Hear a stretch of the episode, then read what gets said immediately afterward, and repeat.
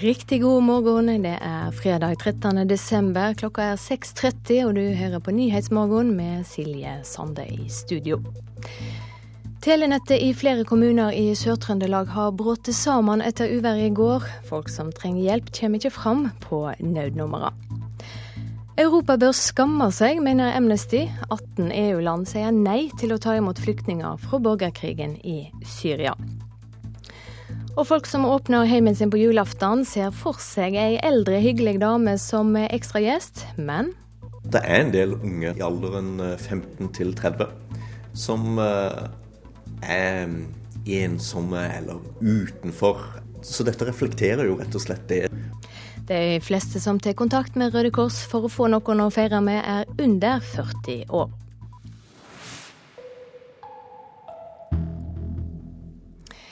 Telefonnettet er ute av drift i mange kommuner i Trøndelag etter ekstremværet Ivar sine herjinger i går kveld.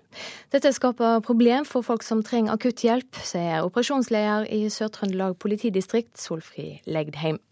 Det medfører jo at eh, publikum som kan eh, tenkes å trenge hjelp, ikke nødvendigvis kommer frem til nødetatene med sin henvendelse. Mm. Hva bør de gjøre da? Da ønsker vi at de eh, så raskt som mulig tar og oppsøker et av kontaktpunktene som eh, politi og helsevesen har. Eh, det kan være lensmannskontor, helsesenter, sykehjem osv. Der har vi forsterka kontaktpunktene og skal være i stand til å ta imot og formidle den henvendelsen. Det sier operasjonsleder i Sør-Trøndelag politidistrikt, Solfrid Legdheim. Eh, når det gjelder eh, telefoni, eh, så er det nok kommunene Meldal, Selbu, Hitra, Frøya og Orkdalen som ting strammer. Når lyset kommer utover morgenen, vil folk etter hvert få oversikt over hvor store skader ekstremværet Ivar greide å gjøre i løpet av noen få timer i går ettermiddag og kveld. Fremdeles er flere tusen uten strøm. Det er uklart akkurat hvor mange, men klokka 22.20 i går meldte NVE at strømmen fremdeles var borte hos over 52 000 kunder i Trøndelag og Møre og Romsdal. Eh, stormen har jo vært kraftig og gjort store materielle skader. Eh, veldig mange henvendelser til politiet som er registrert her, og til andre nødetater også. Eh, så langt så tyder det heldigvis på at vi har unngått alvorlige personskader. Og vi er spent utover dagen for å, å se om den gode statistikken holder stand. Reporter Randi Lillealteren. Køprising er det eneste virkemidlet for å få ned køene i storbyene og redde norsk storbyluft. Det mener den høyreorienterte tenketanken Civita. Men for eh, Frp og Høyre er det uaktuelt å innføre egne rushtidsavgifter for å kjøre bil i byene i myldretida. Med så mange andre storbyer som gjør det, så syns jeg det er rart at ikke Oslo kommer etter. Det er helt topp. Anniken Dam Larsen er positiv til køprising for å begrense trafikken rundt byene. Men ikke alle er enig i det. Maritio Gonzales vil ikke betale mer for å kjøre i byen i rushtiden. Nei, egentlig ikke. Jeg tror ikke det vil hjelpe. For folk, eh, hvis de vil kjøre bil, så gjør de det uansett. Nei, jeg tror, tror ikke det er noe løsning, egentlig. Nei. Sier Olav Øraker. Men tenketanken Civita vil ha nye avgifter på veien. Når det gjelder å bekjempe køene rundt byene, er det trolig bare avgifter som hjelper, mener rådgiver Eirik Løkke i Civita. Min konklusjon er at hvis man skal løse de utfordringene som storbyene står overfor, så er ikke bare køprising et godt virkemiddel, det er sannsynligvis det eneste virkemiddelet som vil fungere. Det er kommunene som bestemmer om rushtidsavgift skal innføres, men staten kan legge til rette for det. Jeg mener at regjeringen burde ha en eh, belønningsordning til storbyene som går inn for dette. Nå har jo regjeringen sagt at de er opptatt av at storbyene skal nå konkrete målsetninger. Så på en eller annen måte så tror jeg storbyene, hvis de skal få belønning fra staten, er nødt til å gå inn for køprising. Linda Hofstad Helleland fra Høyre leder transport- og kommunikasjonskomiteen på Stortinget. Og det her er først og fremst et lokalpolitisk spørsmål. Derfor så ønsker på ingen måte regjeringa å presse lokalpolitikere til å innføre det her. Hofstad Helleland vil heller bruke gulrot enn pisk mot kommunene for å få bedre trafikkflyt rundt byene. Jeg mener jo at uh, regjeringa i uh, vår plattform er offensiv når det gjelder å stimulere til økt kollektivbruk. bl.a. gjennom belønningsordninger, som også skal basere seg på resultater. Og ikke minst forpliktende finansiering av viktige kollektive transportløsninger. Elisabeth Øraker fra Valdres er på tur i hovedstaden, og er ikke vant til de milelange køene. Hun er skeptisk til køprising og rushtidsavgifter. For avgifter er det jo nok av, sier hun. Du, jeg er så lite vant med kø altså, at jeg tenker ikke så veldig mye over det. Det er ikke så mye kø i Valdres. Så, men jeg tenker at eh, det er dyrt nok å kjøre bil som det er. Så det å legge på disse avgiftene, jeg ikke. Jeg tror kanskje ikke det er løsningen. Ja. Reporter ute i trafikken, Hedvig Bjørgum.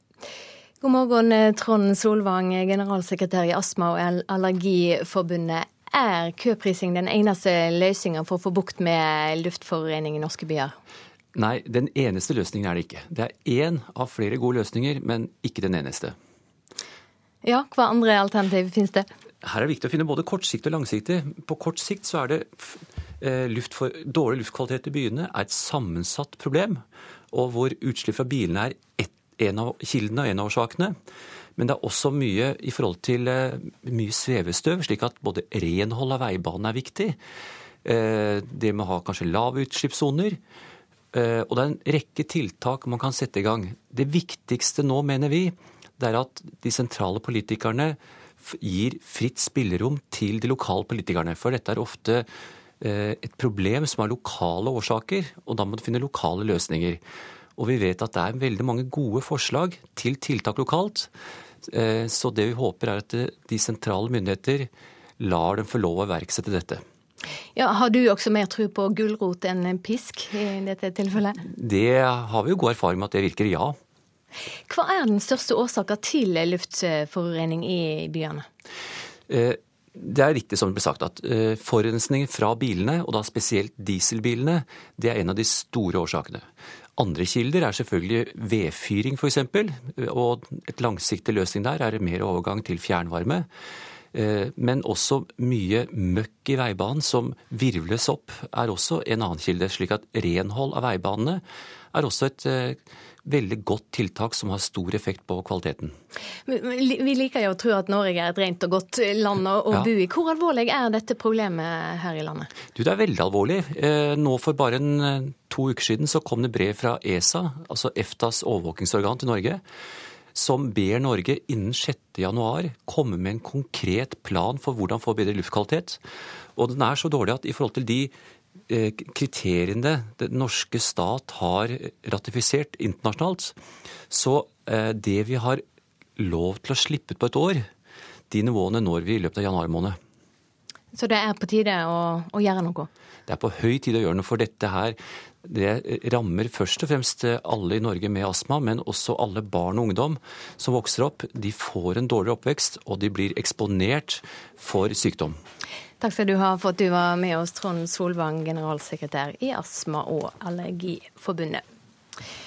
Og nå bytter vi folk bak mikrofonen her. Inn kommer du, Jon Peder Egenes, generalsekretær i Amnesty Norge. Europeiske land svikter syriske flyktninger. Det mener altså menneskerettsorganisasjonen Amnesty.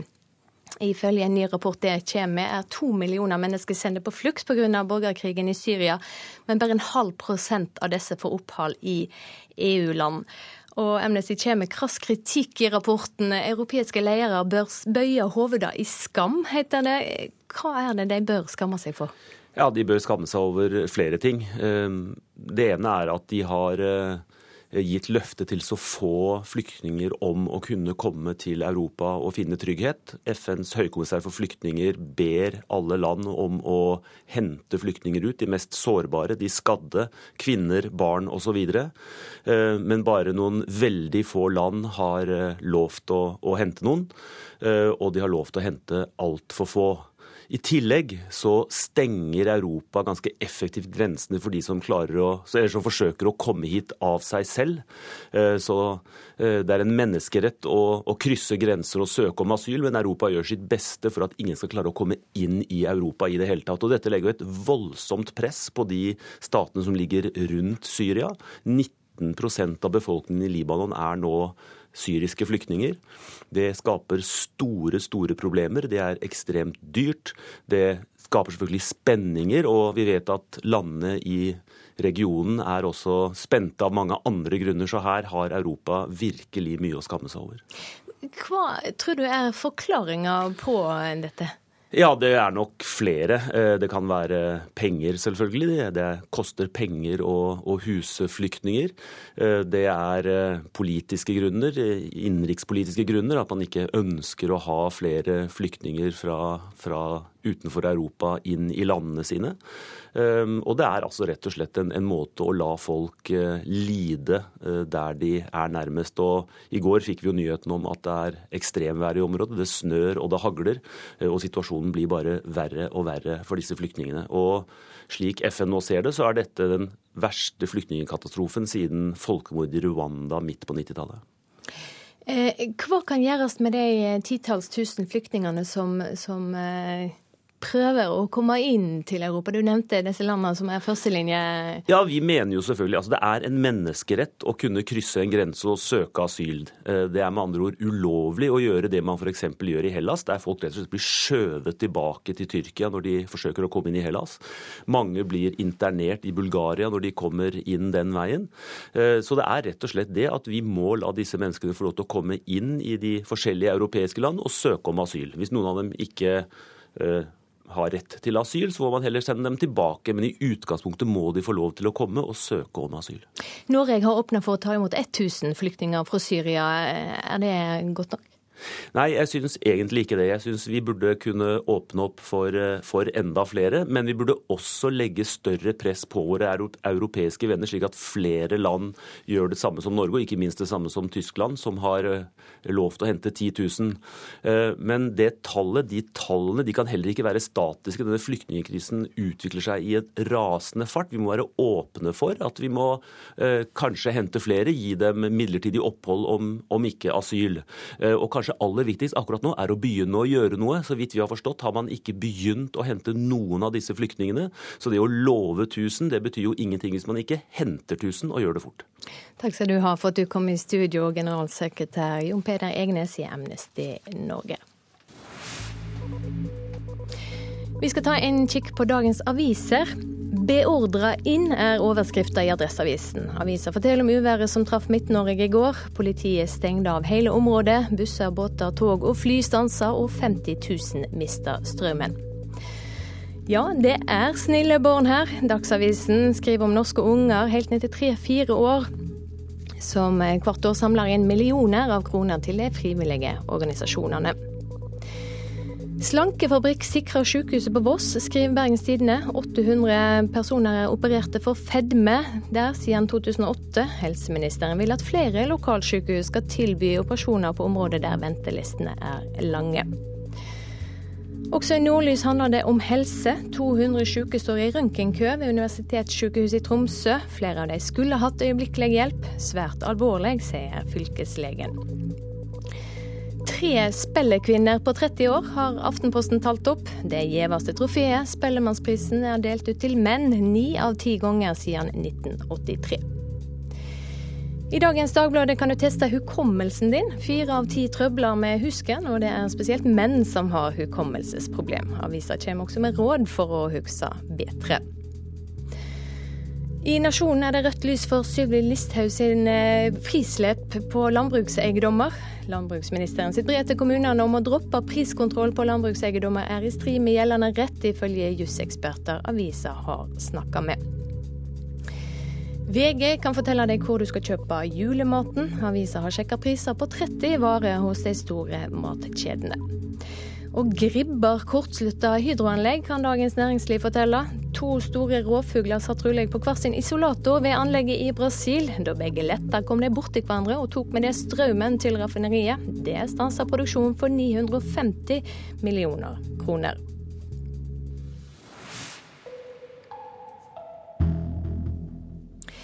Vi skal ha sport her i Nyhetsmorgen, og høre at håndballspiller Stine Bredal Oftedal måtte isoleres da hun ble råka av mageinfeksjon før møtet med Angola i EM.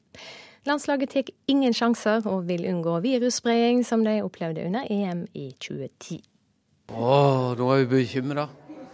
Nei da, det er jo bare litt uh, liten, liten små sykdom. Så jeg tror det går fort over. Jeg håper at uh, vi har klart å isolere det på hennes rom. og så kjører vi videre. Landslagssjef Tori Hergersson frykter ikke at mageviruset som rammer Stine Bredal Oftedal før møtet med Angola, vil spre seg. Men både Anja Edin og resten av landslagsapparatet er på vakt. Vi er veldig flinke til å, til å ta det på alvor og gjøre de rette tinga rundt det. Så der tror jeg vi har et medisinsk apparat som sørger for at, eh, for at det stopper der. Jeg håper at eh, det holder og vi er flinke til å ta, vaske hender og gjøre det vi bør gjøre. Så, men eh, jeg hører egentlig Stine på bedringens veier. så det at hun blir viktig for oss framover, så jeg håper at eh, det holder med én dag til. da. Oftedal er isolert fram til hun blir frisk, for å unngå sykdomssmitte, som Norge ble offer for under EM i 2010. Episoden sitter fortsatt friskt i Heidi Løke sitt minne. Åh, ja, Da feira jeg bursdagen min på, Man ble isolert på rommet alene i 48 timer. Det var ikke så veldig gøy.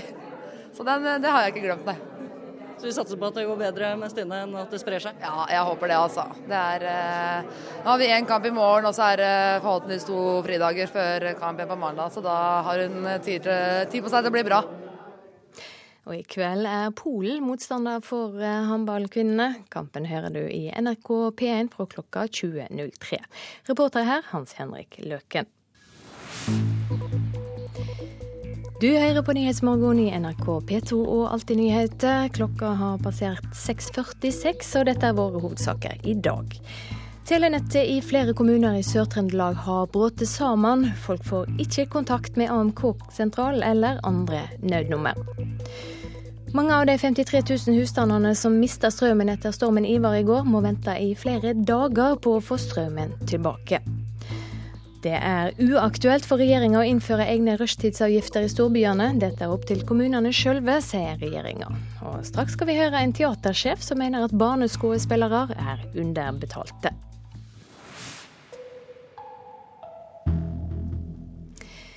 Mange tenker kanskje at det er flest eldre som er ensomme i jula. Men ifølge Røde Kors er det flest unge som trenger en sted å være på julaften. Det kommer tydelig fram på nettsida Julesentralen, der både de som ønsker å delta i ei julefeiring, og de som inviterer til feiring, kan registrere seg. Ja, god dag, du. Dette var Edmund Birkedal fra Vest-Agder Røde Kors. Hei, hallo. Jeg ringer fordi jeg har fått en mail her om at dere ønsker å åpne hjemmet deres på julaften for noen som trenger det. Edmund Birkedal i Røde Kors Vest-Agder kontakter en familie som har åpnet hjemmet sitt på julaften, gjennom Julesentralen. Dette er et samarbeid mellom VG og Røde Kors. Her kan de som er ensomme i jula, registrere seg og kanskje få en familie å feire jul med. Livlig familie på fem ønsker å tilby julemiddag og gave til ei koselig, ensom dame med glimt i øyet. Hei, jeg ønsker å hjelpe eldre på julaften. Feirer gjerne jul hos deg. Vi er et samboerpar på 41 og 35 år som ønsker å invitere en eldre dame på julefeiring. Mange av familiene som åpner hjemmet sitt på julesentralen, ser for seg en eldre, koselig dame. Men det viser seg at det er ikke de eldre som oftest trenger et sted å feire jul. Det er de yngre, ifølge Edmund Birkedal. Ja, det, det ser jeg at det er mye yngre enn det jeg i utgangspunktet hadde trodd det skulle være.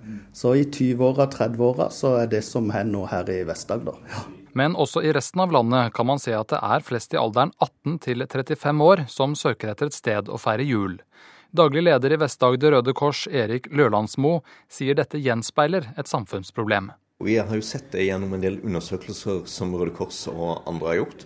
Det er en del unge som i alderen 15 eh, til 30, eh, og også en del som peker opp til 15 til 40, som eh, er ensomme eller utenfor. Så dette reflekterer jo rett og slett det som disse undersøkelsene viser. Har du begynt juleforberedelsene ennå? Uh, nei, faktisk ikke. Det var en samboeren min som har begynt å pynte. Jeg har ikke gjort noen ting. Så jeg har akkurat ferdig med eksamen og greier, så da må jeg kanskje begynne å tenke på jul. Bake litt og mm. Julia Sørensen og familien hennes åpnet julehjemmet sitt i fjor, og skal gjøre det samme i år. Hun er overrasket over at det er så mange unge som trenger et sted å være julaften. Det er jo egentlig litt overraskende. Når man tenker på enslig, så tenker man jo middelaldrende og litt eldre mennesker. Så det det var overraskende å høre det. Kanskje mye studenter som har flytta langt, og kanskje fra utlandet. Og de har på en måte mista nettverket sitt av forskjellige grunner.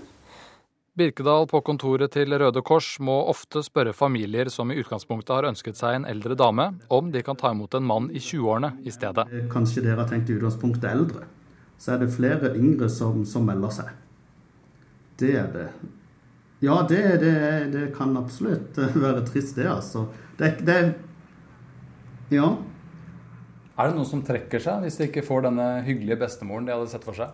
Til nå har det ikke vært det, faktisk. Det har ikke det. Heller ikke i fjor så var det det, altså. Så, så, de tar det med et smil. Det er bare det er ofte det første de tenker er denne eh, hyggelige gamle dama som også starta dette showet for, for i, i, fjor, da. Så, men, men, det er ikke noe problem, det. Det har det ikke vært. Greit. Supert. Takk skal du ha. Ha det. Yes. Reporter Tom Nikolai Kolstad. Kristiansand Symfoniorkester har en julekonsertmaraton i disse dager. Ulike ensembler holder 38 konserter på tre dager på sykehus, skoler, i kirker og på bibliotek. Julegeriljavirksomhet. ja, men det er veldig gøy. Det er veldig moro. Julegeriljavirksomhet kaller Ingrid Vangsvik det hun holder på med nå. Der hun sitter og spiller klarinett på en videregående skole i Kristiansand, og prøver å spre julestemning til hundrevis av elever. Jo, det er jo kjempefint, da. Og så får du jo spilt for så mange som ikke er vant til å høre på musikk eh, som blir spilt eh, både live og uten ledninger. Og symfoniorkesteret presenterer seg jo på en litt annen måte, kan du si. da litt uformelt. Vi syns det er hyggelig. Jeg har aldri sett dem før, egentlig. Uh, ja, men jeg syns det er ganske kult at de holder så mye konserter og er på skolen og sånn. Jeg synes det er kjempekult. Hvorfor det? Fordi at de spiller bra, og de er veldig Det er jo litt kult at noen som er så talentfulle, eller kommer til skolen og vil, eh, vil Ikke le! Og vil eh, spille for oss.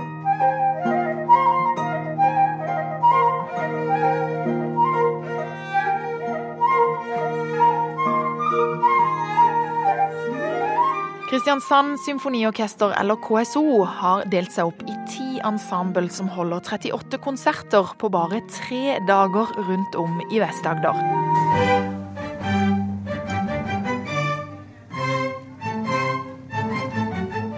På sykehus, skoler og universitet, kirker og f.eks. på Lille Bølgen, en avlastningsbolig for multihandikappede barn. Her spiller bl.a. harpist Johanna Noisiainen.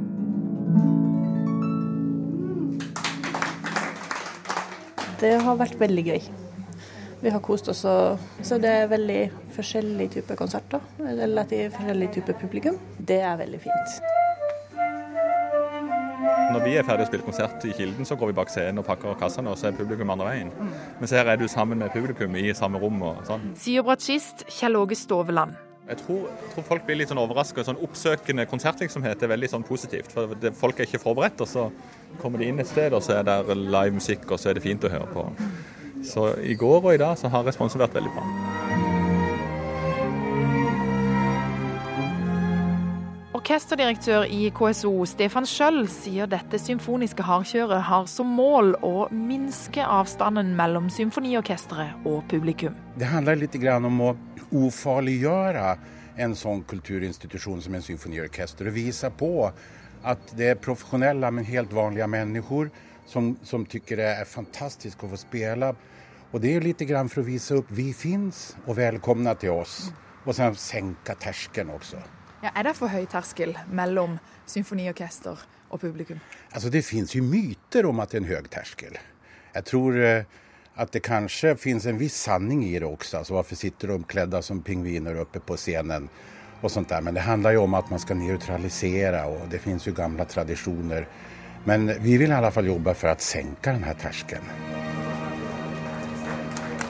Måtte synge med? Hva? Du måtte synge med? Jeg måtte synge med, men det kan bli litt høyt for meg. Hva syns du om at symfonien er her på sykehuset? Det var helt flott. Ja, det var helt slett flott hva du spilte, så, så det var jo veldig fint. Reporter Mari McDonald. I Dagsrevyen i går fikk produksjonsselskapet bak musikalen Annie på Folketeatret kritikk for avtalene de har med barna i stykket. I flere private teateroppsettinger får barneskuespillerne en, en lønn på 150 kroner per forestilling. Det er altfor lite, mener Skuespillerforbundet på nrk.no, og får støtte fra teatersjef.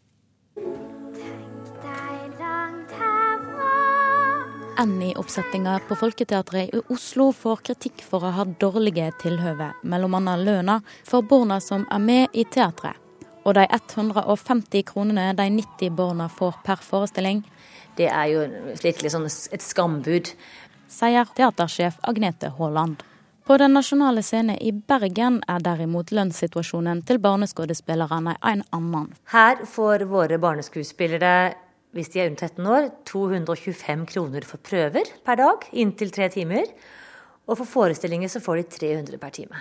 Atle Halstensen i Scenekvelder, som står bak Annie, er uenig. Jeg tenker at den lønnen er et uttrykk for at vi uh, setter pris på den uh, innsatsen de gjør. Og det er mer en påskjønnelse til en fritidsaktivitet som vi tilbyr dem, der de får uh, møte noen av Norges beste instruktører og noen av Norges beste utøvere, og stå på scenen sammen med de.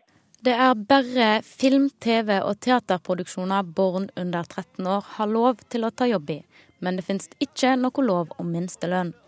Og barna i Annie si lønn er ikke unik. Vi har ikke tid, for vi må finne skjegget. Vi har ikke tid, for vi må finne skjegget. Putti Plutti Pott går i ukene før jul på scener i hele landet og har med til sammen 285 barn fra de forskjellige stedene. Og lønna? Ja, Nå snakker vi vel om de minste av barna, så er det 150 kroner per forestilling. Sier leder i Troll Productions, Heidi Halvorsen, som står bak produksjonen. Og det mener hun er nok. Vi har valgt å se på lønnen som eh, symbolsk. Det kives heller hardt om å få være med, og vi har til og med fått tilbudt betaling for å få være med. Er det noen som har klagd på lønna? Aldri. Den nasjonale scene får 100 millioner i årlig statlig driftstilskudd. Både Annie og Putti Plutti Pott er produsert av private selskap uten støtte fra staten. Halstensen sier de ikke kan konkurrere med statlige institusjoner. Altså, I utgangspunktet vil jeg betale alle. Jeg vil gjerne ha, ha profesjonelle på scenen, jeg vil gjerne ha større orkester. Jeg vil gjerne ha trygghet for, for, for, langsiktige arbeidsplasser. Men så lenge jeg driver med min egen lommebok som garanti, så er jeg nødt til å ha et kostnadskontroll og et kostnadsfokus som er mye strengere enn en institusjon som har mellom 100 eh, og 200 millioner kroner i, i overføringer. Reporter her Maria Pile Svåsand.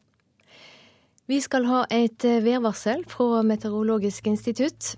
Fjellet i Sør-Norge. Spredde snøbyger i nord, ellers opphold. Fra i ettermiddag sørlig kuling, snø i vest. I kveld også i øst. Østlandet rolige vindtilhøve, opphold. I kveld litt snø, regn eller sludd på kysten. Telemark fra i ettermiddag litt snø eller sludd, regn på kysten. Agder fra i formiddag østlig liten kuling vest for Lindesnes, kan hende kortvarig stiv kuling helt i vest. Etter hvert regn, snø i høyere strøk. Vestlandet sør for Stad opphold. Fra i formiddag sørøst stiv kuling utsatte steder. Sterk kuling sør for Karmøy. Regn, snø i høyere strøk i nord. Møre og Romsdal får i formiddag øke til øst og sørøst liten kuling utsatte steder. Perioder med litt regn. Trøndelag i ettermiddag øke til øst og sørøst stiv kuling utsatte steder. Stort sett opphold. Nordland Vind fra nordvest opp til stiv kuling i Vesterålen. Enkelte snøbyger. I kveld liten kuling i sør. Opphold først i sør. Troms først på dagen kortvarig kraftig vind på kysten med nordvestlig liten storm, men etter hvert minkende. I kveld rolig. Snøbyger, særlig tidlig på dagen.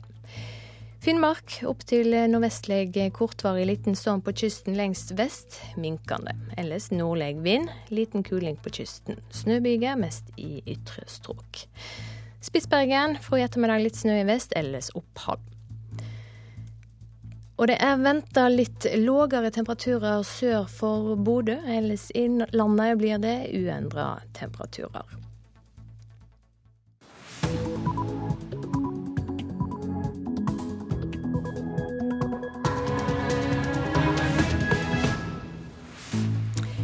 Vi har litt eh, tekniske problemer her i dag. Derfor fikk vi ikke Dagsnytt nå klokka sju. Vi holder fram med Nyhetsmorgen her i P2 Alltid nyheter. Og her skal vi straks høre mer om eh, situasjonen i Midt-Norge etter uværet i går, og få siste nytt om eh, problemer med telenettet. Mykje snø, dårlig brøyting og glatte fortau skremmer mange eldre fra å gå ut om vinteren. Noen blir helt isolerte innendørs. Og nå står 150 tidligere tannlegeassistenter i erstatningskø etter kvikksølvskadeavgjørelsen i Høyesterett i går.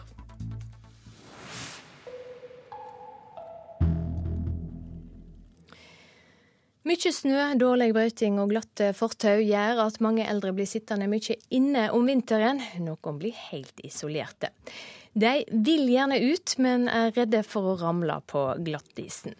89 år gamle Tor Urdal sier han prøver å være så forsiktig han kan. Jeg prøver å, å ta raske trinn, sånn som jeg gjorde før i tiden, men det, det er ikke det samme.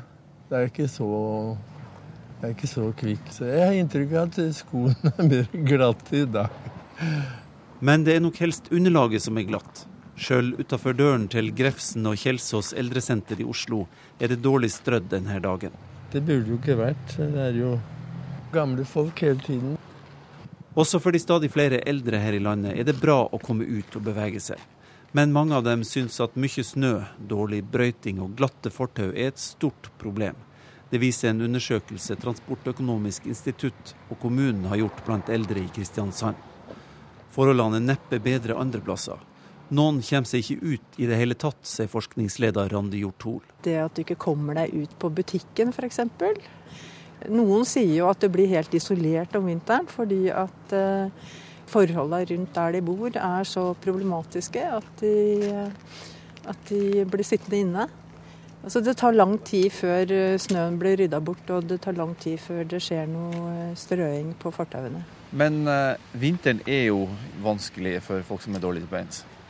Jo, det kan, kan, man jo si, men det er jo snakk om en prioritering. Hva er det man vil uh, legge til rette for, og hva, uh, hva er det man bruker penger på? Veldig mange opplever jo det at man brøyter for at bilene skal komme fort fram og litt kanskje på bekostning av eh, de som går. Og det gjelder jo ikke bare eldre eh, som har problemer med snø og glatt, eh, glatt føre, men også de som skal fram med barnevogn, rullestol osv.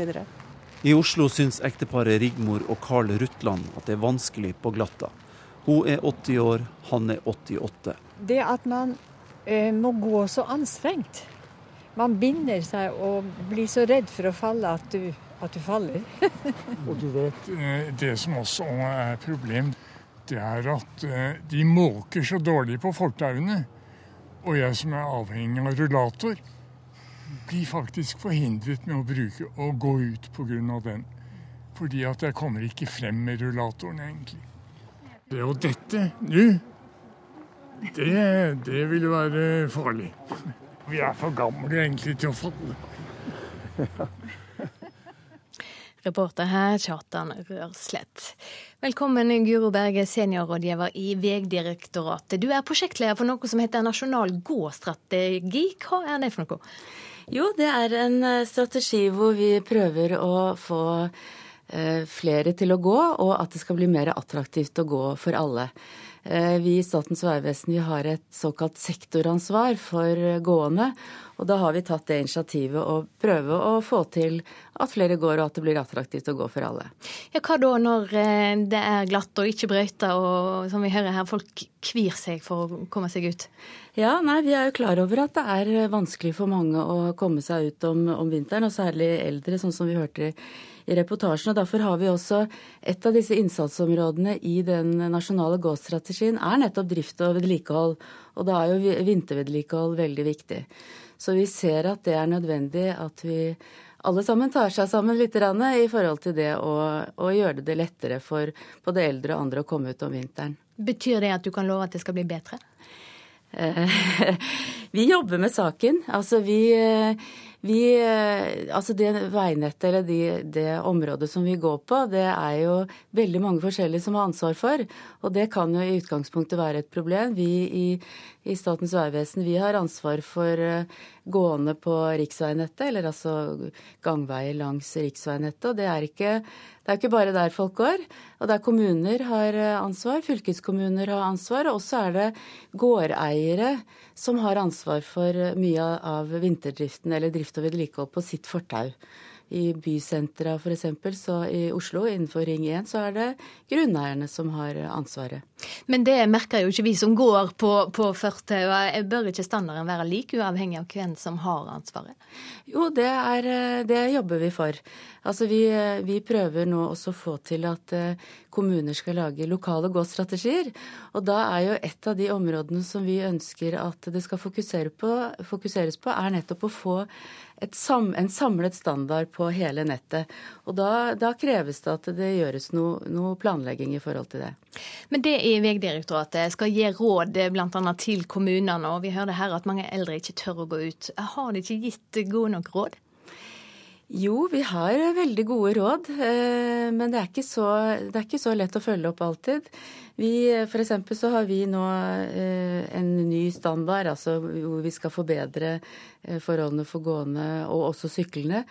Men det tar litt tid å få dette implementert gjennom Vi har allerede driftsavtaler som vi da må, må fornye med de nye standardene. Men kommuner har jo stort sett ganske bra bra planer og gode, gode vedlikeholdskontrakter, men alt kan selvfølgelig bli bedre. Takk skal du ha for at du kom i studio, Guro Berge, seniorrådgiver i Vegdirektoratet. Takk skal du ha. Nå til eh, ekstremværet Ivar, som herja på Nordvestlandet og i Midt-Norge i går. Vi har i natt- og morgentimene meldt at telenettet i flere kommuner i Sør-Norge har brutt sammen, og flere titusen husstander har mista strømmen. Med meg nå fylkesberedskapssjef i Sør-Trøndelag, Dag Otto Skar. Hva er situasjonen nett nå? Nei, Situasjonen akkurat nå det er jo den at eh, det er vanskelig å få oversikt over de strømutfallet og de telenett problemene som finnes i, i Sør-Trøndelag. Så Vi har jo jobba ganske intenst i hele natt eh, for også, uh, å, å, sørge for at nødkommunikasjonen fungerer på best mulig måte. Og Det vi har hatt fokus med sammen med politiet og de øvrige nødetatene. Ja, Fungerer det nå? Ja, altså i, i, natt så har vi faktisk vært i, i, i, i nødt til å etablere sånne kriseløsninger. og og Situasjonen er, er, jo faktisk også slik nå at eh, de som da trenger akutt hjelp og ikke har telekommunikasjon eh, til, til de alarmtelefonene, de er nødt til å ta kontakt med, med helsestasjon, brannstasjon, lensmann eh, i, i, egen kommune for å få kommunisert det, det, behovet de har. Rett og slett møte opp sjøl? Ja, ja, det, ja, sette seg i bilen eller sørge for å, å komme til hjelpa. Sånn, sånn er det bare.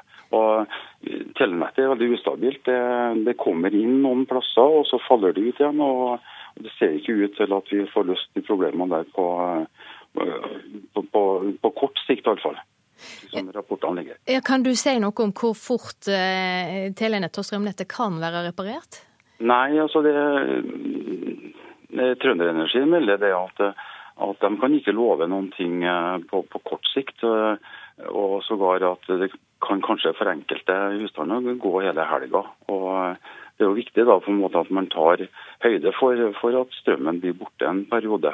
Nå jobber de intenst med, med fjellretting. Det er over 100 personer fra Trønderenergi som er ute nå for, på fjellretting. Eh, men det største problemet er jo på regionalnettet i området Meldal og Sykdal, områdene der hvor det de må vente på lys og, opp med helikopter for å få en oversikt over de skadene som berører det, de området der. Hva andre utfordringer har uværet skapt?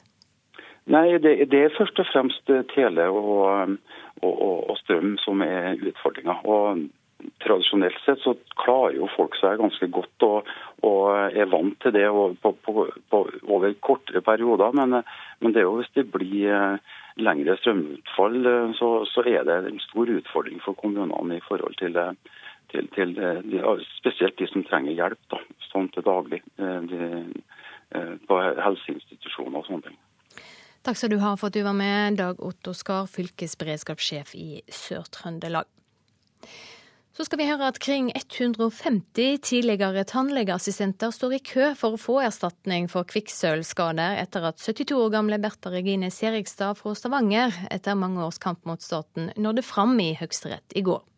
Både Fagforbundet og Tannhelsesekretærenes forbund har mange slike saker liggende, og de har venta spent på utfallet i Høyesterett. For Bertha Regine Serigstad ble gårsdagen en gledens dag. Det er en enorm lettelse rett og slett at jeg endelig har kommet fram og har oppnådd denne seieren, for dette er sterkt, altså. 10 000 jobbet som tannlegeassistenter i den perioden vi her snakker om. Mange er døde nå.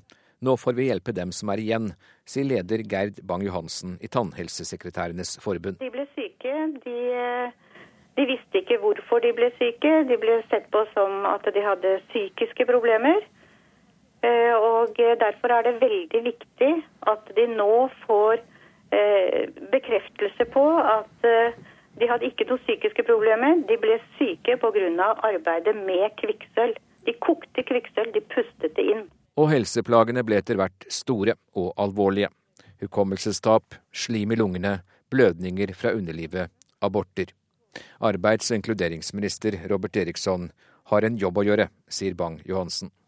Jeg håper at han eh, nå, eh, med, med, den eh, kjennelsen i Høyesterett, at han nå på, altså påvirker Nav til å ferdigbehandle disse sakene omgående. Reporter her Hans Jørgen Solli. Klokka nærmer seg kvart over sju. Du hører på Nyhetsmorgen i NRK P2. Dette er hovedsaker hos oss i dag. Telefonnettet er ute av drift i mange kommuner i Trøndelag etter ekstremværet Ivar i går kveld. Folk som trenger akutt hjelp må møte opp sjøl på legesenter. Og flere titusen husstander har mista strømmen etter stormen i går. Mange av dem må bo seg på å vente i flere dager på å få lys og varme tilbake. Og straks skal vi høre mer om at onkel til Nord-Koreas leder Kim Jong-un er avretta for forræderi.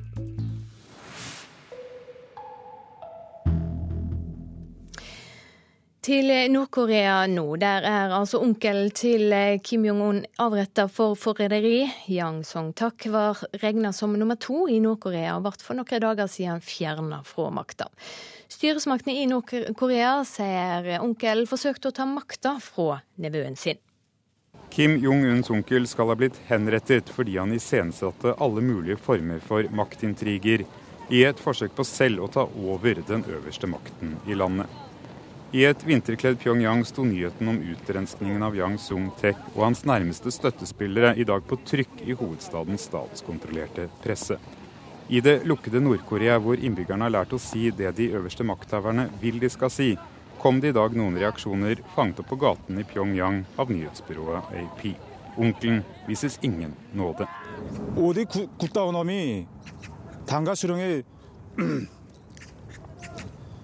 Han er som en fiende som er gal nok til å ta makten fra vårt parti og vår leder, og se så mye skade han har påført folk. Han fikk som fortjent, sier Pak Chang-gil. For denne gruppen med forrædere som skulle ødelegge vår samhjertede enhet, er henrettelse altfor mildt. De burde rives i biter og kastes i historiens søppelspann, sier Ri Chul-ho. Analytikere som følger Nord-Korea, er delt i synet på hva de siste ukers utrenskninger betyr. Det kan være et tegn på at landets unge leder Kim Jong-un nå befester sin egen posisjon mens andre ser det som et tegn på ustabilitet og en uavsluttet maktkamp. Det sa utenriksmedarbeider Philip Lote. Yang eh, Song-tak var altså gift med søstera til eh, Nord-Koreas førre diktator, og var regna som den nest mektigste i landet. Asia-korrespondent Anders Magnus, var denne dødsdommen venta? Nei, eh, det var eh, overhodet ikke ventet at Jang skulle bli henrettet. Han sto jo nær familien. Og i Nord-Korea så har man ikke henrettet så nære familie, eller folk som er så nær til den regjerende familie tidligere. At han skulle bli, kunne bli straffet var nok ventet, fordi han var tett opp til diktator Kim Jong-un. Og i slike diktaturer hvor makthaverne er paranoide og redd for alle som står nær dem, egentlig, så, så er særlig de som er aller nærmest, ofte de mest utsatte. Det har vi jo sett både fra Stalins tid og fra eh, Maos tid her i Kina, hvor eh, Maos nummer to to ganger eh, forsvant fra maktens tinde. Men, men vanligvis så, så, blir ikke slike folk henrettet, men bare satt til side. Ja, I meldingene fra Nord-Korea blir den onkel karakterisert som avskyelig, menneskelig avskum, verre enn en hund og den største forræder mot nasjonen gjennom alle tider. Hvorfor så harde ord om en mann som eh, jo sto eh, den herskende familien så nær? Det er eh, nokså uvanlig språkbruk eh, fra nordkoreansk side, også i andre anledninger. Vi har jo sett hvordan Kim Jong-un har truet eh, USA og Sør-Korea med å bade f.eks. hele Sør-Koreas hovedstad Seoul i en, et hav av ild og atomangrep mot, mot USA. Så, så, dette er ikke uvanlig. Men det som, det som dette signaliserer overfor landets egen befolkning, og spesielt eliten, er at eh, nå må dere passe dere. Eh, hvis dere ikke er eh, komplett lojale overfor den nye hersker Kim Jong-un, så kommer dere også til å få bli stemplet med slike, slike ord som dette, og vil også risikere kanskje også bli henrettet. Mange i Nord-Koreas hovedstad Pyongyang er nå Eh, sannsynligvis vært redde fordi de har hatt altfor nære forbindelser med Jang opp gjennom årene. Takk skal du ha for at du var med, Asia-korrespondent Anders Magnus. Den norske toppdiplomaten Kai Eide er nå på plass i Kongo og vil prøve å få et møte med Joshua French i løpet av dagen i dag. French er tiltalt for drapet på kameraten sin, Kjøstolf Moland. Kai Eide vil prøve å samarbeide med kongolesiske styresmakter. Det er klart det, det, aller første jeg vil gjøre, er å møte Joshua French. og Ta sikte på å gjøre det så tidlig som mulig. Og så må jeg da selvfølgelig også ha en, en diskusjon med de som har vært her noen dager, eh, slik at det blir en skikkelig overlapping. Men det å møte Joshua French er det, det aller viktigste, selvfølgelig. Hvorfor det? Vel, det er han eh, vi forsøker å, å hjelpe. Det er han som er eh, personen som står i sentrum for alt vi, vi gjør her og som også utenriksministeren er veldig opptatt av. At vi skal bruke de ressursene vi har på å støtte. Hva er ditt beste kort? Eh, nå har jeg altså vært hjemme i Utenriksdepartementet eh, i eh, en dag og, blitt, og hatt møter der med Joshuas mor, med advokaten, med Kripos, med alle i UD, med utenriksministeren. Nå skal jeg sette meg inn i det sett fra denne siden. Så jeg tror å gå noe nærmere inn i det du nå spør om, det, det får nok vente litt. Det tror jeg er klokt. Er French hjemme til jul? Eh, jeg vil ikke sette noen tidsfrister av den typen der. Jeg tror alle vet at dette er en særdeles vanskelig sak. Reporter i Kongo, Øyvind Nyborg. Uroa i Den sentralafrikanske republikk holder fram, trass i at styrker bl.a. fra Frankrike prøver å hindre plyndring og vold. Samtidig er den humanitære situasjonen for titusenvis av mennesker der akutt. Svært få hjelpeorganisasjoner våger seg inn i det borgerkrigsherja landet. Det var dramatisk og spent utenfor Saint-Jacques-kirken i Bangui i går. Flere tusen mennesker hadde samlet seg. En aktiv mobb kastet stein mot porten inn til kirkeområdet. De mente at en muslimsk general fra Seleka-militsen gjemte seg inne i kirken, og krevde å få han utlevert for å stille han til ansvar for vold som militsen tidligere hadde begått mot kristne her i hovedstaden i Den sentralafrikanske republikken. Etter hvert kom fredsbevarende styrker og franske soldater til.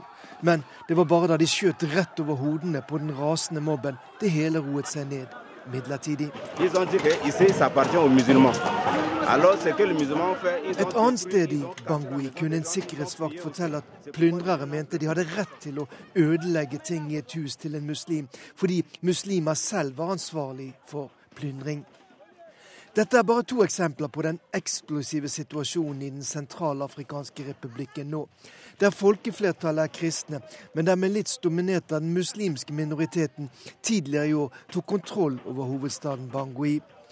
Nå er det nærmest et maktvakuum i store deler av landet, bl.a. i Bangui. Bare noen tusen fredsbevarende afrikanske styrker og 1600 franske soldater prøver å holde en viss orden. Det har hjulpet på situasjonen, sier Lindis Hurum fra Leger uten grenser, som jobber i en leir som var opprettet ved flyplassen i Bangui. De jo mot, tar jo mot en del eh, skadde, eh, men færre nå enn for noen dager siden. Det er nå 30 000 mennesker i flyktningleiren ved flyplassen i Bangui. Det er akutt mangel på både mat, vann og medisiner, sier Linde Surum. Bare Leger uten grenser og Røde Kors har fått i gang hjelpearbeid av betydning i det borgerkrigsherjede landet.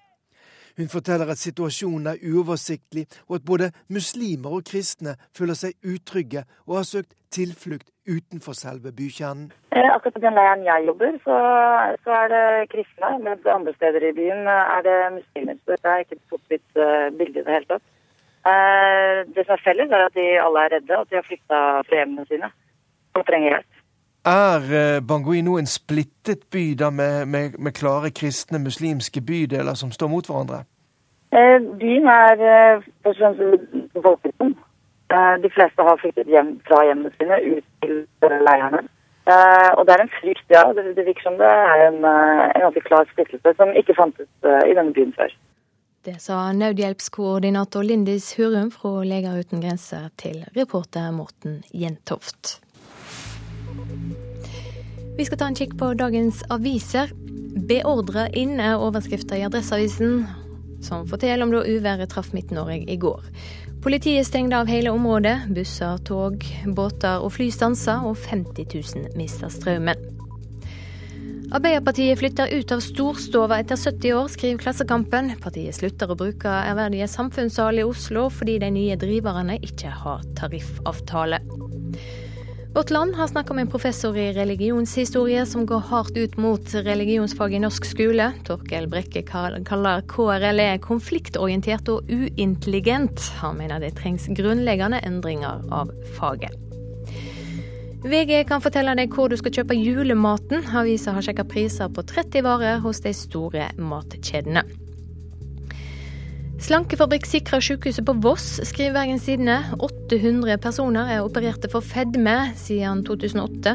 Helseministeren vil at flere lokalsykehus skal tilby operasjoner på områder der ventelistene er lange. Også i Nordlys handler det om helse. 200 syke står i røntgenkø ved Universitetssykehuset i Tromsø. Flere av de skulle hatt øyeblikkelig hjelp. Svært alvorlig, sier fylkeslegen. Ja, det er snille barn her. Dagsavisen skriver om norske unger helt ned til tre-fire år som hvert år samler inn millioner av kroner til de frivillige organisasjonene. Tre spellekvinner på 30 år har Aftenposten talt opp. Det gjeveste trofeet, Spellemannsprisen, er delt ut til menn ni av ti ganger siden 1983. I dagens Dagbladet kan du teste hukommelsen din. Fire av ti trøbler med husken, og det er spesielt menn som har hukommelsesproblem. Avisa kommer også med råd for å huske bedre. Og Gribber kortslutta hydroanlegg, kan Dagens Næringsliv fortelle. To store rovfugler satt trolig på hver sin isolator ved anlegget i Brasil. Da begge letta, kom de borti hverandre og tok med det strømmen til raffineriet. Det stansa produksjonen for 950 millioner kroner.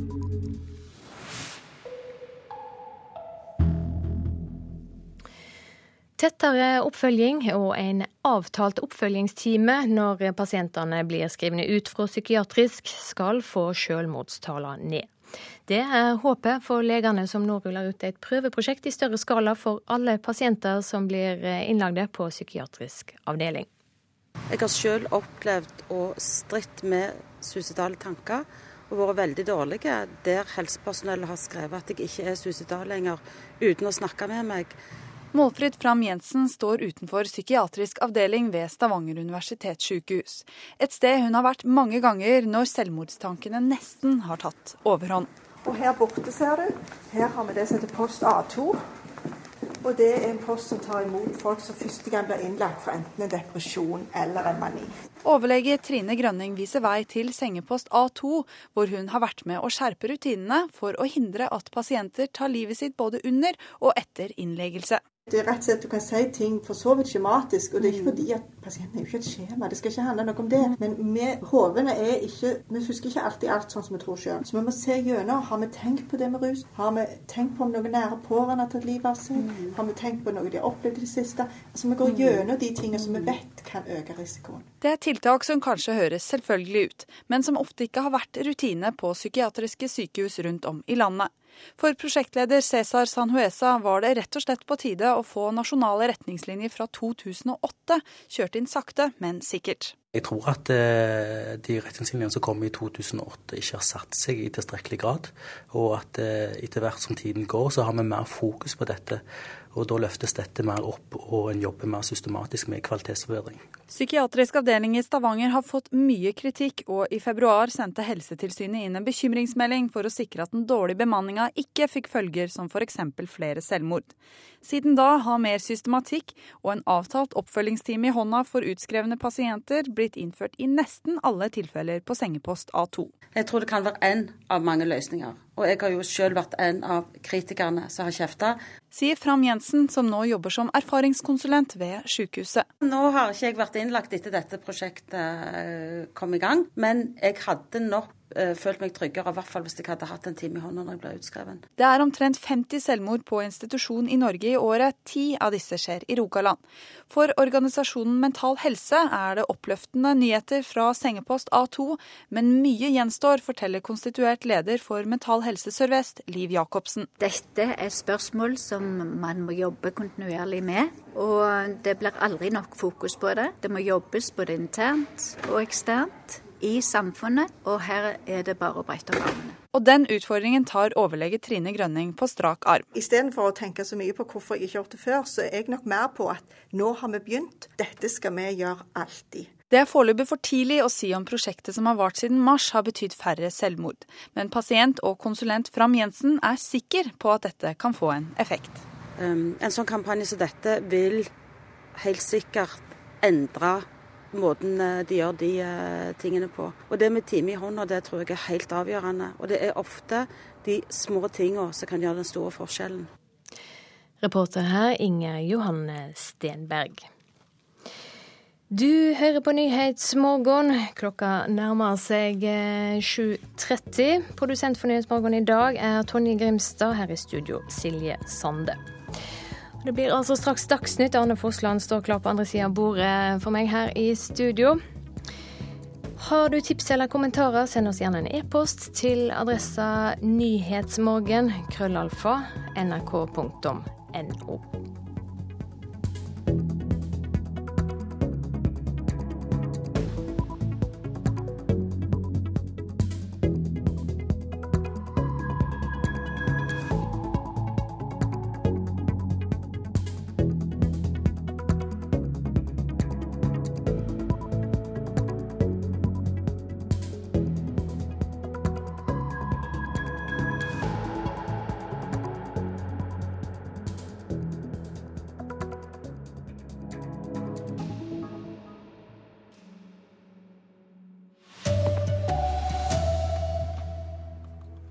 Orkanen tok strømmen og telefonlinjene. Folk i Trøndelag får ikke ringt til nødsentralen. Gamle blir sittende inne hele vinteren. De er redde pga. glatte fortau og dårlig brøyting. Og han var den nest mektigste i hele Nord-Korea. Nå er han henrettet for kuppforsøk. Her er NRK Dagsnytt, klokken er 7.30. Ja, I Trøndelag har mange kommuner nå store utfordringer fordi telefon og strømnettet er nede.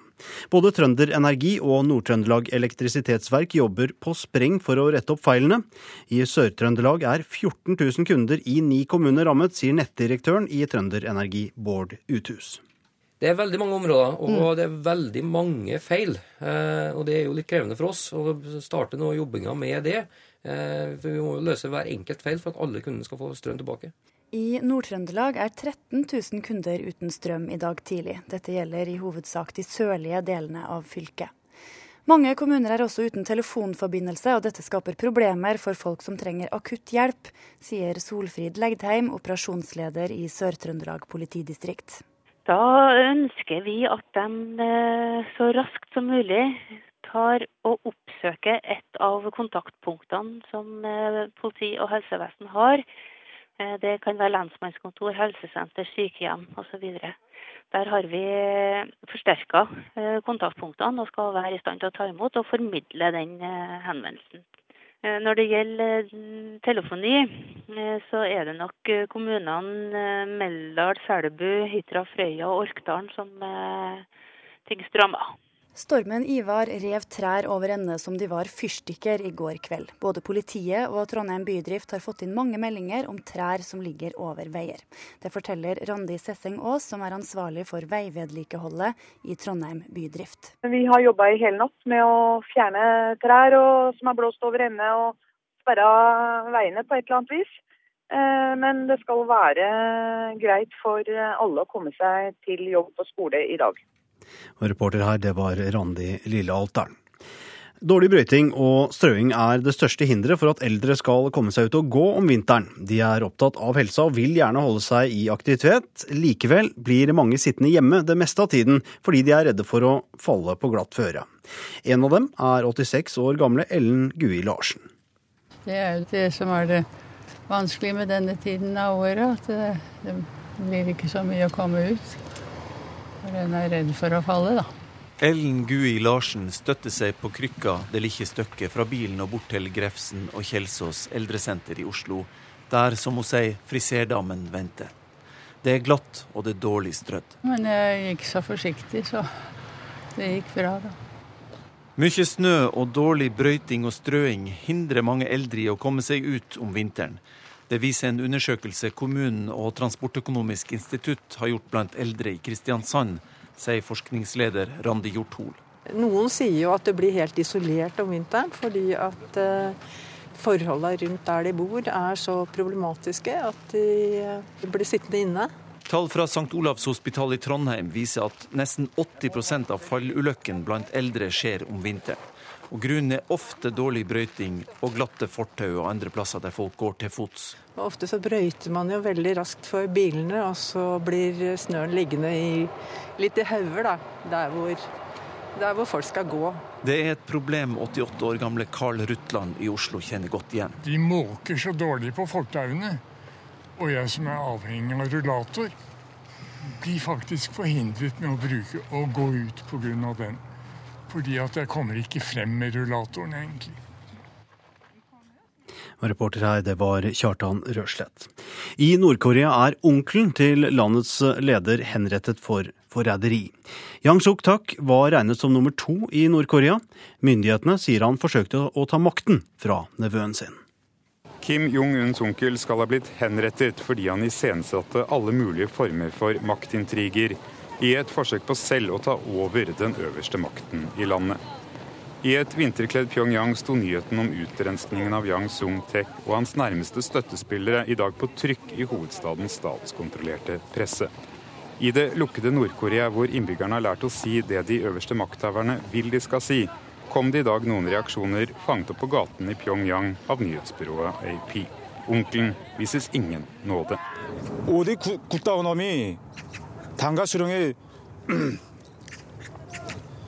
Han er som en fiende som er gal nok til å ta makten fra vårt parti og vår leder, og se så mye skade han har påført folk. Han fikk som fortjent, sier Pak Chang-gil. For denne gruppen med forrædere som skulle ødelegge vår samhjertede enhet, er henrettelse altfor mildt. De burde rives i biter og kastes i historiens søppelspann, sier Ri Chul-ho.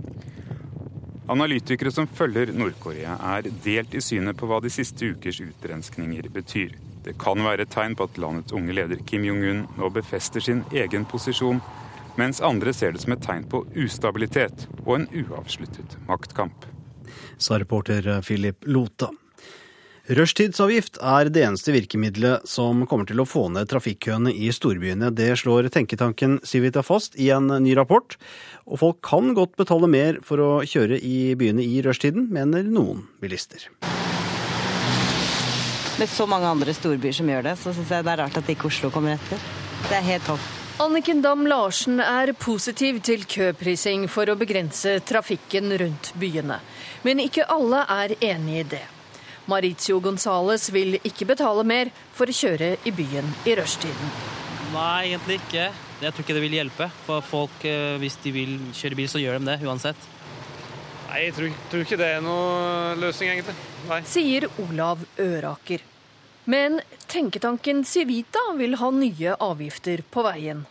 Når det gjelder å bekjempe køene rundt byene, er det trolig bare avgifter som hjelper, mener rådgiver Eirik Løkke i Civita. Min konklusjon er at hvis man skal løse de utfordringene som storbyene står overfor, så er ikke bare køprising et godt virkemiddel, det er sannsynligvis det eneste virkemiddelet som vil fungere. Det er kommunene som bestemmer om rushtidsavgift skal innføres, men staten kan legge til rette for det. Jeg mener at regjeringen burde ha en eh, belønningsordning til storbyene som går inn for dette. Linda Hofstad Helleland fra Høyre leder transport- og kommunikasjonskomiteen på Stortinget. Hun vil heller bruke gulrot enn pisk mot kommunene for å få bedre trafikkflyt rundt byene. Og Derfor så har eh, Høyre-Frp-regjeringa mange forslag for å stimulere til økt eh, kollektivbruk. Ja, Samferdselsdepartementet har ikke kunnet kommentere saken. Reportere Hedvig Bjørgum, Ingunn Solheim og Ellen Sporstøl. Rundt 150 tidligere tannlegeassistenter står i kø for å få erstatning for eh, kvikksølvskader. Det skjer etter at 72 år gamle Bertha Regine Serigstad fra Stavanger vant en kamp mot staten i Høyesterett etter mange års kamp i går.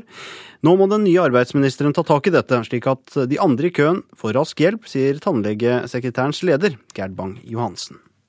Jeg håper at han øh, nå øh, med, den kjennelsen i Høyesterett at han nå på, altså påvirker Nav til å ferdigbehandle disse sakene omgående. Håndballspiller Stine Bredal Oftedal ble isolert umiddelbart da hun ble rammet av mageinfeksjon før møtet med Angola i EM. Landslaget tar ingen sjanser og vil unngå virusspredning som de opplevde under EM i 2010.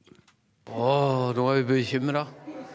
Nei da. Det er jo bare litt uh, liten, liten småsykdom. Landslagssjef Tori Hergersson frykter ikke at mageviruset som rammer Stine Bredal Oftedal før møtet med Angola, vil spre seg. Men både Anja Edin og resten av landslagsapparatet er på vakt. Vi er veldig flinke til å, til å ta det på alvor og gjøre de rette tinga rundt det. Så der tror jeg vi har et medisinsk apparat som sørger for at, eh, for at det stopper der. Så jeg håper at eh, det holder og vi er flinke til å ta, vaske hender og gjøre det vi bør gjøre. Oftedal er isolert fram til hun blir frisk for å unngå sykdomssmitte, som Norge ble offer for under EM i 2010.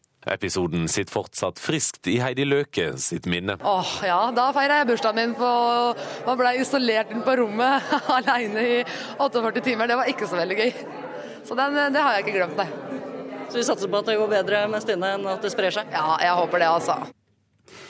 Ja, og I kveld så er det Polen som er eh, motstander for håndballjentene i Europamesterskapet. Den kampen kan du høre i NRK P1 fra klokken 20.03 eh, i kveld. Reporter her, det var Hans Henrik Løken. Ansvarlig for eh, Dagsnytt-sendingene denne morgenen er Rolf Johansen. Det tekniske ansvaret hadde Lars Tronsmoen. Jeg heter Arne Fossland.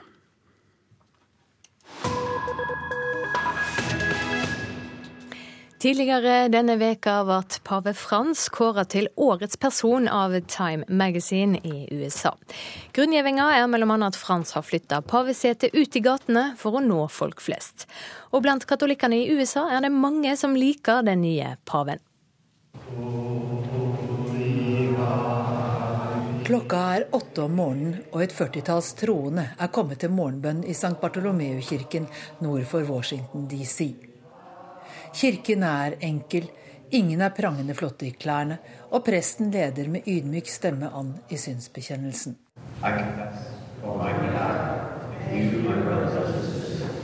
Den katolske kirken er USAs største, med rundt 78 millioner tilhengere. I St. Bartolomeu-kirken bruker de jenter som korgutter. Eller som en av de eldre i menigheten sier det, jenter i altertjeneste. Det er det ikke alle menigheter som tillater. There are even parishes in the next state where girls aren't allowed to be altar servers or to help in any way. Det er til og med menigheter i en av nabostatene hvor jentene ikke får gjøre altertjeneste. Ja, de får ikke hjelpe til i det hele tatt, sier Sally Akan, som har rundet i 70 og er en av veteranene i Sankt Bartolomeu.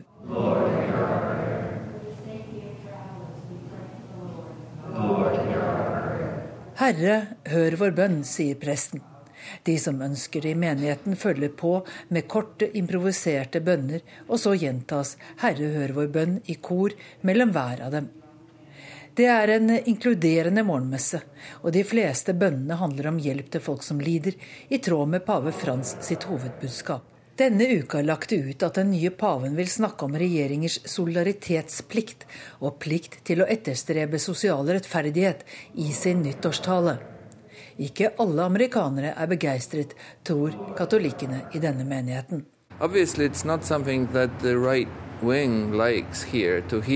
Høyresiden liker å si at deres politiske budskap er basert på kristendommen. Men faktisk tror jeg at folk flest forstår at fattigdom og ulikhet er virkelige problemer, og paven har klart å riste i den amerikanske selvforståelsen, sier Thomas Mratkowski. Han flyttet fra Polen på 1980-tallet og kjente den polske paven, Johannes Paul 2., personlig. Pave Frans er veldig forskjellig, men hans budskap om toleranse og solidaritet er helt nødvendig her i USA, mener Thomas. Hans beskjedenhet er et viktig forbilde, sier Thomas, og tenker særlig på at paven kjører en bruktbil som har gått over 300 000 km.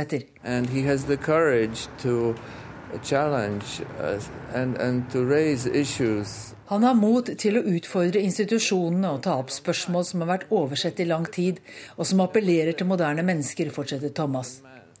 Adgang til helse og utdanning er viktigere enn kampen mot prevensjon og abort. Over 70 år gamle Sally bruker pavens ord når jeg spør om den tradisjonelle katolske fordømmelsen av homofili.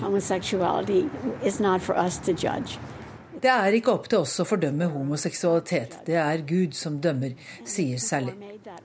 Hun har ett ønske til pave Frans.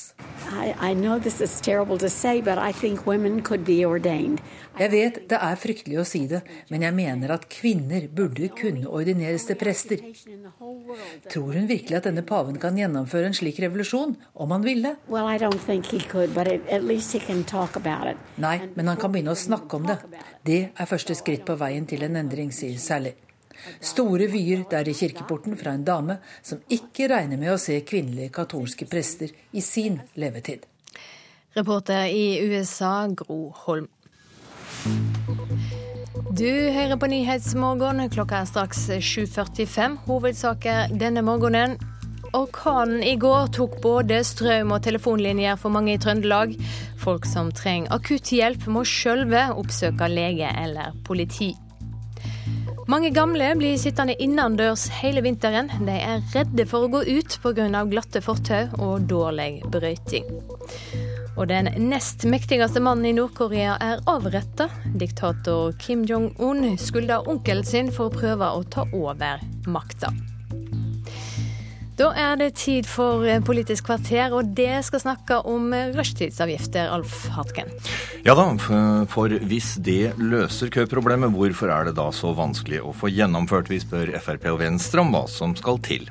Og politikere som blir superkjendiser, og kjendiser som blir politikere, er det et problem for demokratiet, eller blir det bare mer spennende politikk av det?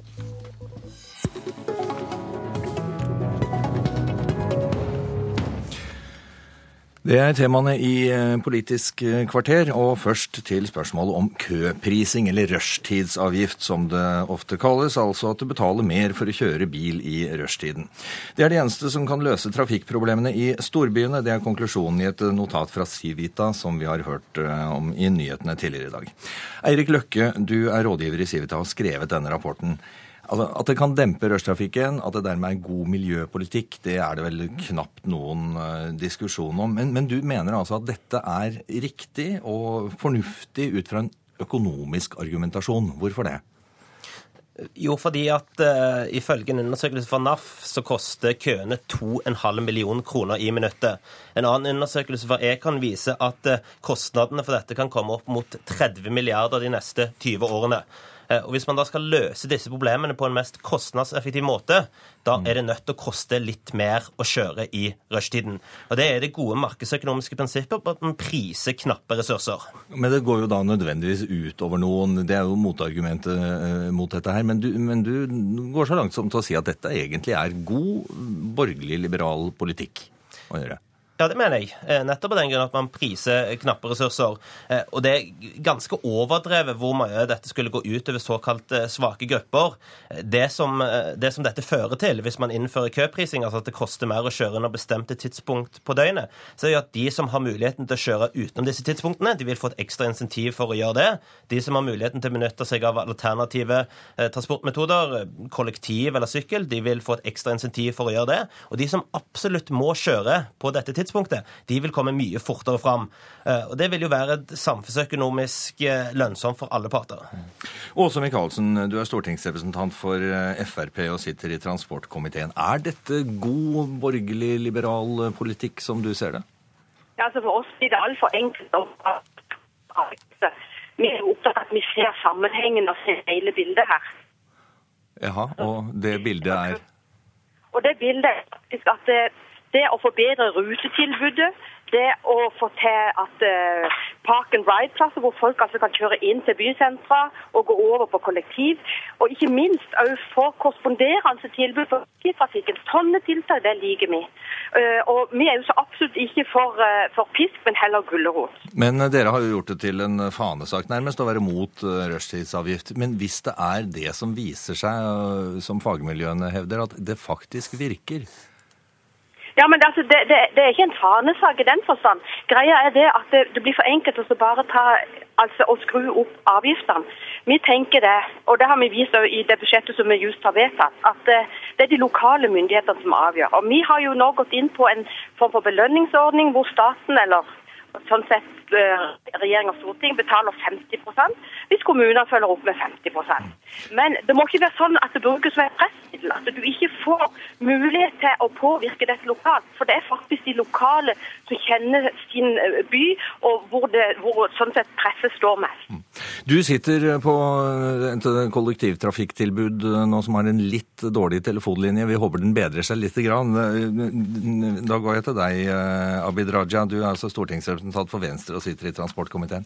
God borgerlig liberal politikk? Det burde ja, jo være noe som Venstre burde flagge høyt, dette her da? Ja, jeg mener dette er et godt forslag og godt utredning fra Civita. Veldig prisverdig at det kommer, og at vi får en kunnskapsbasert debatt i politikken, og ikke bare følelsesladde eh, politiske løsninger. Politikere må evne å gjøre ting som også er vanskelige, selv om de er vonde og vanskelige, og, og, og som kanskje kan bety noe for sin egen oppslutning. Men det vi vet er f.eks. i nabolandet vårt, så har man jo, dette viser jo rapporten bl.a., man har utreda hvordan dette har vært i London, Sverige, Göteborg, og vi ser i nabolandet, så ser du eh, svenskene gjorde dette i Stockholm.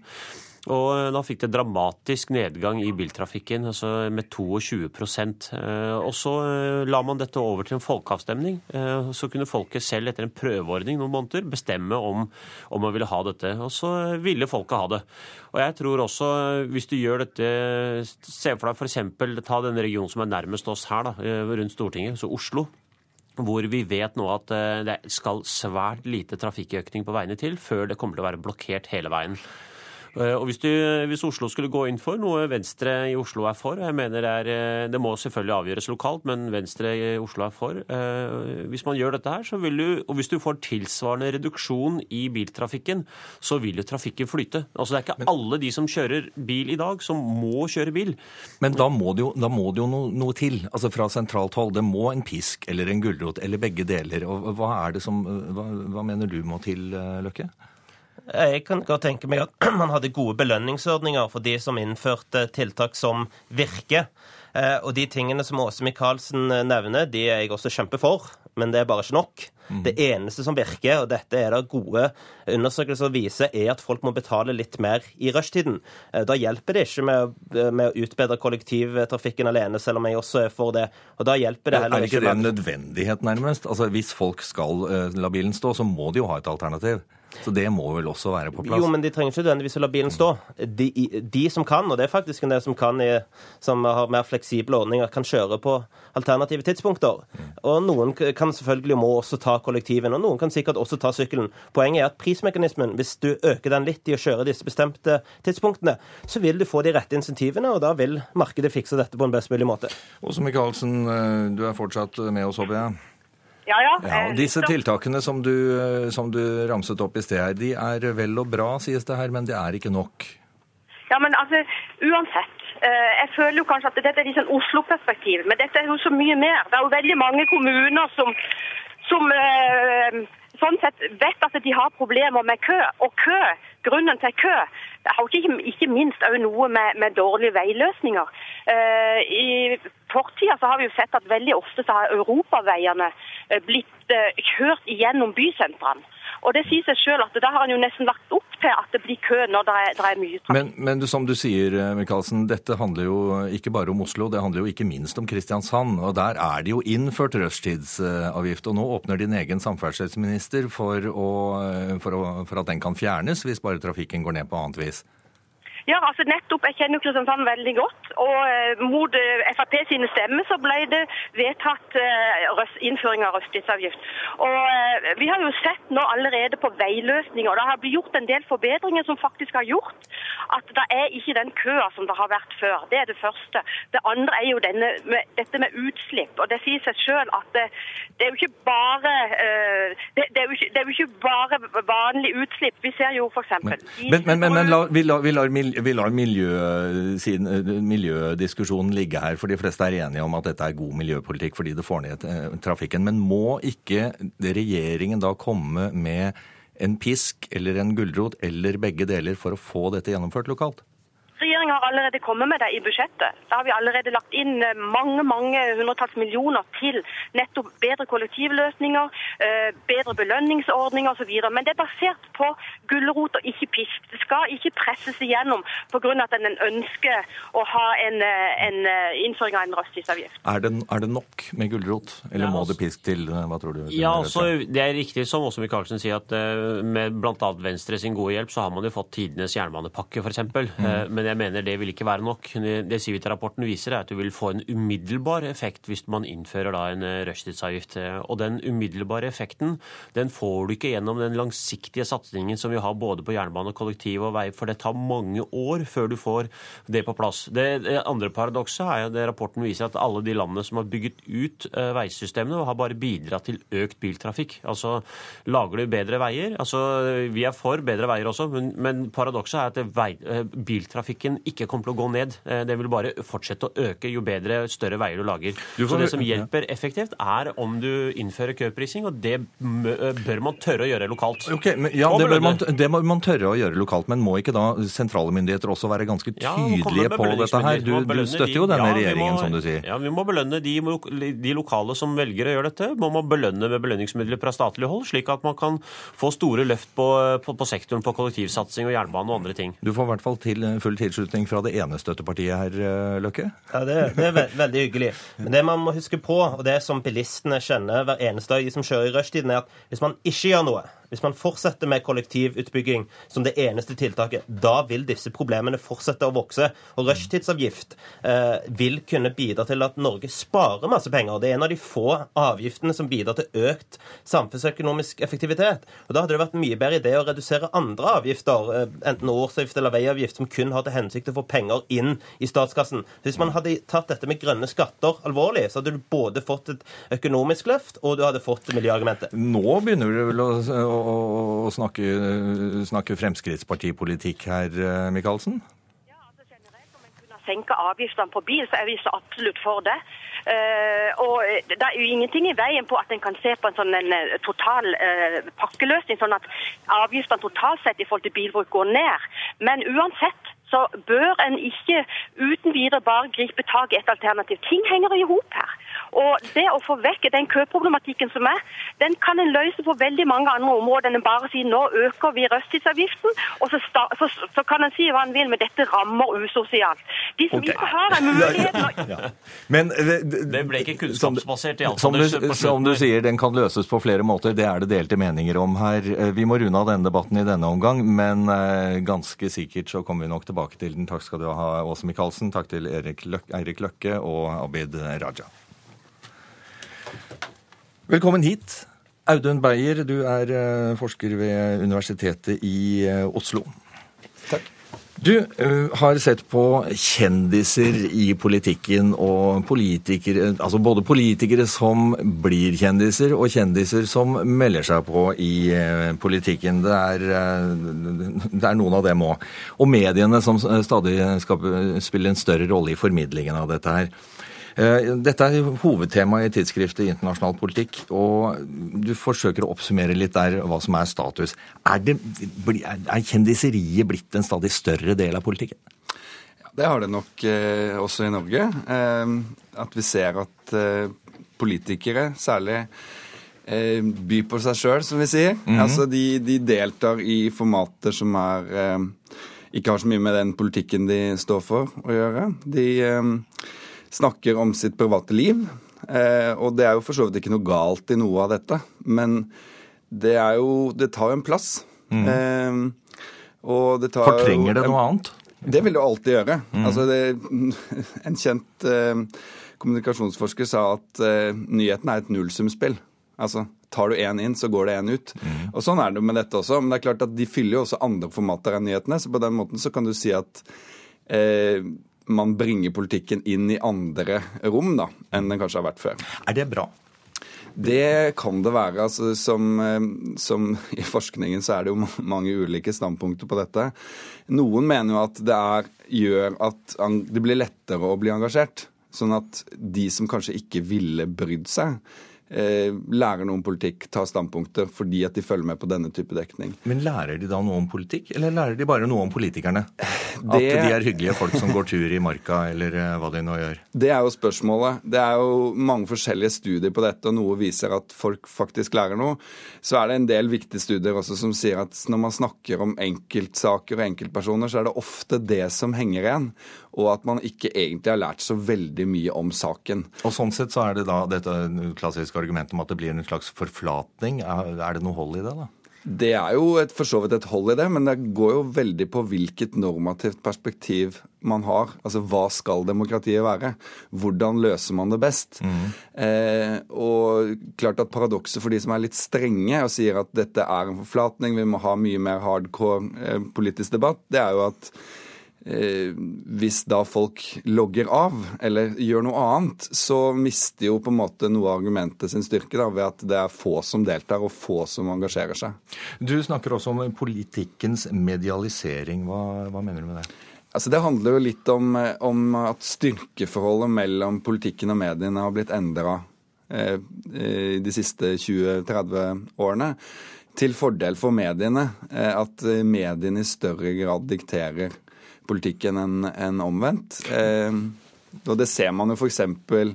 Eh, ved at eh, politikere skynder seg til til mediene. og ikke Til Politisk kvarter? Ja, for eksempel. men, men, men er, det, er, det, også i ferd med å endre seg? Bare, vi, vi, har noen litt grann tid på slutten. Er det, er det i ferd med å endre seg når sosiale medier vokser? Det er en kanal som politikerne på en måte selv styrer. Det er klart, Der har du en uredigert kanal som gjør at kanskje man kan veie opp for noe av den eh, maktforskyvningen. Det kan godt hende, men det har jeg ikke noe, for så vidt noe, noe tall på eller noe forskning som viser at det er i stor endring. Mm. Jeg tror det er for ferskt. og det er, sikker, det er jo et annet medium. Det er et uredigert medium. Det er ikke journalistikkproduksjon, først og fremst. Takk skal du ha, Audun Beyer. Det var det vi rakk i denne utgaven av Politisk kvarter. Nå fortsetter Nyhetsmorgen. Jeg heter Alf Hartke.